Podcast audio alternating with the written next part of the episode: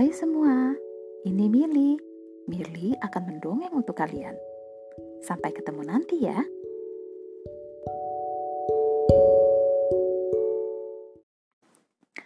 Hai, kembali lagi dengan Mili di sini. Kali ini Mili akan menceritakan tentang dongeng fabel uh, yang berjudul Ringo si Rubah Kecil. Mau dengar? Yuk kita dengar. Ringo si rubah kecil yang berjiwa besar. Di sebuah hutan yang bernama Ato Grasu di bagian utara, hiduplah sebuah keluarga rubah. Mereka mempunyai anak kecil yang mereka beri nama Ringo.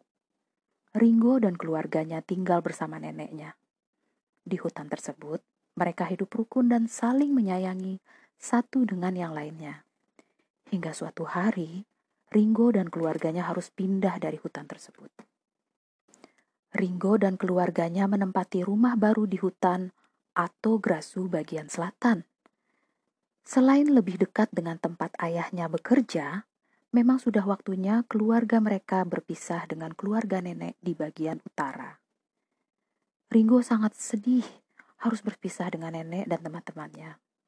Namun, demi melihat ayahnya, yang setiap hari kepayahan harus menempuh jarak yang jauh setiap kali bekerja, Ringo akhirnya menyetujui untuk pindah ke rumah barunya.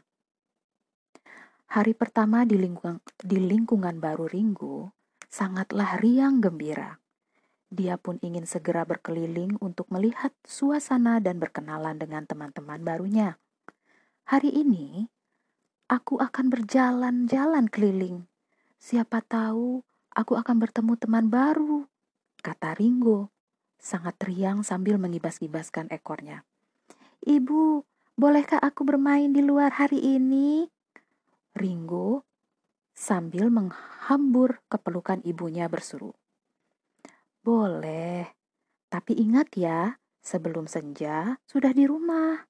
Nanti kita akan makan malam sama-sama. Baik, Bu. Terima kasih.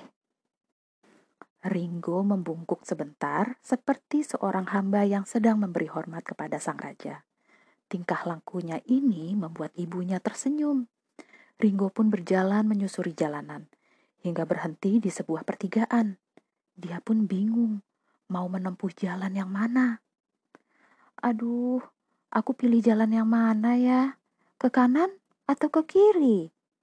Sebelum sempat Ringo membuat keputusan dari kejauhan, Sayup-sayup terdengar olehnya celotehan anak-anak yang sepertinya sedang asik bermain. Ringo mencari sumber suara itu. Ternyata ada tanah lapang yang cukup luas di seberang kanan pertigaan. Ringo berjalan mendekat. Selamat pagi, aku Ringo. Aku baru di, di hutan ini. Hmm, bolehkah aku ikut bermain? Mereka menoleh. Seekor anak macan tutul memandangnya lekat lalu tertawa mengejek. Ah, tubuhmu kecil sekali.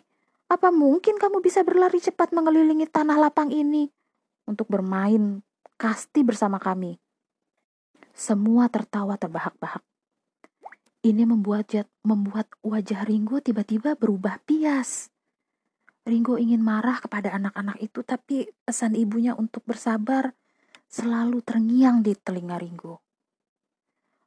Bolehkah aku coba dulu? Siapa tahu nanti aku malah yang akan menang. Ringo berkata sambil tersenyum jenaka. Iyalah, kita ajak saja dia bermain.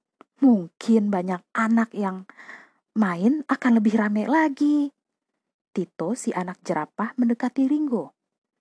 Kenalkan, aku Tito. Timku kurang satu anggota. Kamu boleh bergabung dengan timku?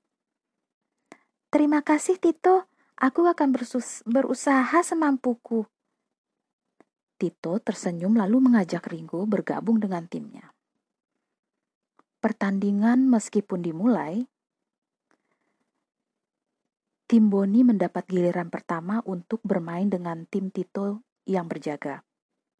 Boni gesit sekali memukul bola dan berlari ke arah pos yang paling jauh sehingga langsung mencetak nilai yang tinggi.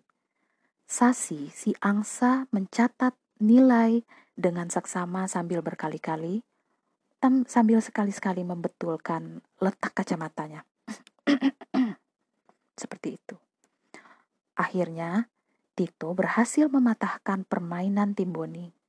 Setelah lemparan bola kastinya mengenai gigo si kucing, Ringo buru-buru mendekati Tito. Lalu mereka berbisik-bisik sebentar. Ah, cemerlang sekali gagasanmu, Ringo. Mari kita coba. Semangat ya.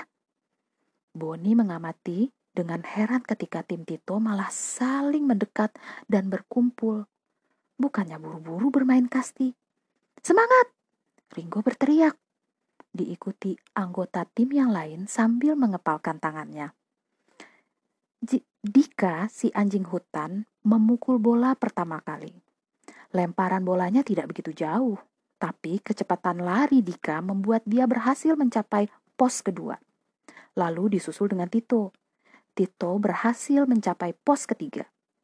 Hei, Ringo, kau tidak ikut? Atau cuma memberi semangat saja? Lihat itu temanmu masih berkumpul di pos. Belum ada satu pun yang kembali ke rumah. Ejek Boni. Ringo bergeming. Dia seperti siap-siap hendak melakukan suatu gerakan dan akhirnya... Hap! Ringo memukul bola dengan sangat kuat, dengan sekuat tenaga yang ia punya. Meski tidak terlalu jauh lemparannya, tapi dia berlari dan melompat dengan gesit. Saat melewati pos ketiga, bola sudah berada di tangan Raki, si kambing jantan, kelompok Boni yang jago membidik. Ringo meneruskan larinya ke pos terakhir. Ketika Raki bersiap-siap membidiknya dengan bola kasti Ringo, melompat dengan tagas. Ringo melompat dengan tangkas. Semua menahan nafas dan akhirnya Ringo lolos dari bidikan Raki. Ringo, kamu hebat! Seru Bon Beno. Ringo menggoyangkan ekornya sambil tersenyum. Tapi sayang, tim Ringo belum ada yang bisa kembali ke rumah, sehingga belum mendapatkan nilai. Harapan terakhir adalah pemukulan Beno. Beno memang terkenal sebagai pemukul bola kasti yang jitu. Dan akhirnya Beno memukul bola kasti dengan sekuat tenaganya. Bola melayang jauh dari tim Boni. Semua tim Boni sibuk mencari bola hingga ke semak ujung lapangan. Tito, Diko, dan Ringo berlari cepat kembali ke rumah. Hore! Ye ye ye ye!